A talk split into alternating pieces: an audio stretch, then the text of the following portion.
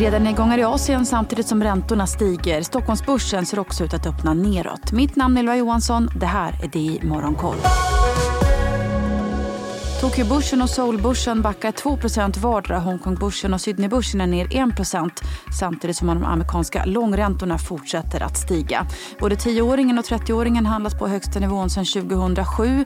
10-åringen har stigit 8 punkter sedan svensk stängning igår och noteras i 4,84. 30-åringen står i 4,97% Igår visade ju ny jobbdata att antalet lediga jobb steg mer än väntat i USA i augusti vilket gav signaler om en fortsatt het arbetsmarknad marknad vilket i sin tur ytterligare spädde på förväntan om att räntorna ska hållas higher for longer.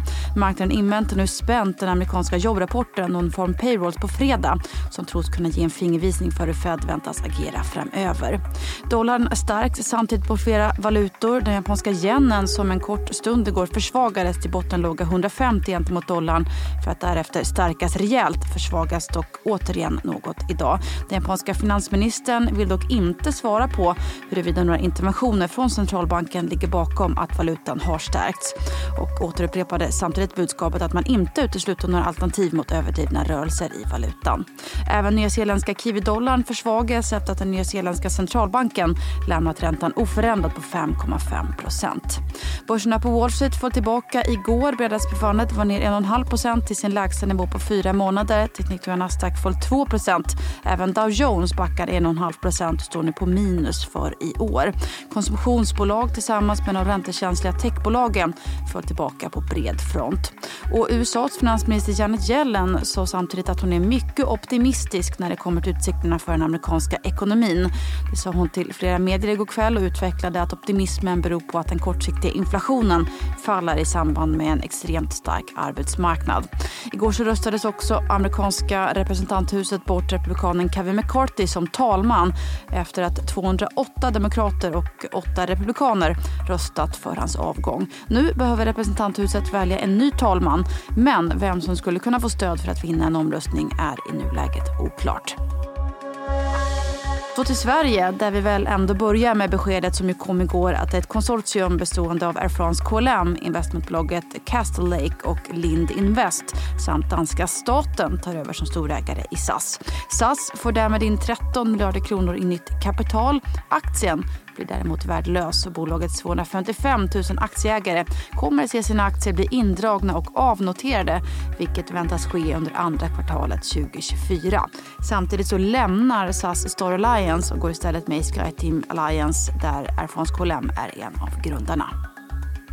Och det är inte bara Heimstaden Bostad där Alekta är storägare som är i behov av kapital. Även ägarbolaget Heimstaden AB har dragit på sig massiva lån och en skuld på knappt 23 miljarder kronor kan de rapportera idag. Det börjar också stå klart att utdelningarna måste strypas ett tag framöver vilket skulle bli väldigt problematiskt för ägarbolaget Heimstaden AB. Heimstadens vice vd Christian Fladeland säger samtidigt i en intervju med Fastighetsnytt att det är djupt missvisande att säga att bolaget är i behov av kapital. Och orderingången på tunga lastbilar i Nordamerika som är en viktig siffra för lastbilstillverkaren Volvo uppgick till 36 800 fordon i september vilket är en ökning med 67% jämfört med månaden innan. September är därmed den starkaste ordermånaden det senaste året. Och så ger sig Spotify in i ljudbokssegmentet. Tjänsten rullas ut först i Australien och Storbritannien där bolagets premiumanvändare ges tillgång till 15 timmars ljudbokslyssning i månaden. Samtidigt står det också klart att det digitala magasinbolaget Readly väntas byta lista från Nasdaq till First North den 20 november i år. Och så kan vi väl ta en positiv nyhet, eh, vilket det väl ändå får sägas vara. Matpriserna låg nämligen stilla i september jämfört med augusti enligt de senaste uppgifterna från Matpriskollen. Jämfört med för ett år sedan ökade dock priserna med 6,5 procent. Vid halv nio idag får vi en uppdatering från svenska tjänstesektorn i form av PMI. I augusti så sjönk indexet under tillväxtgränsen till 49,0 främst drivet av en kraftig nedgång för nya ordrar. Frågan är om de höga kostnaderna och räntorna även påverkade hur många kronor och affärer som spararna gjorde i september. Det får vi i alla fall reda på när Avanza och Nordnet släpper sin månadsstatistik för september lite senare här idag. Mitt namn är Ylva Johansson. Du har lyssnat på det i Morgonkoll.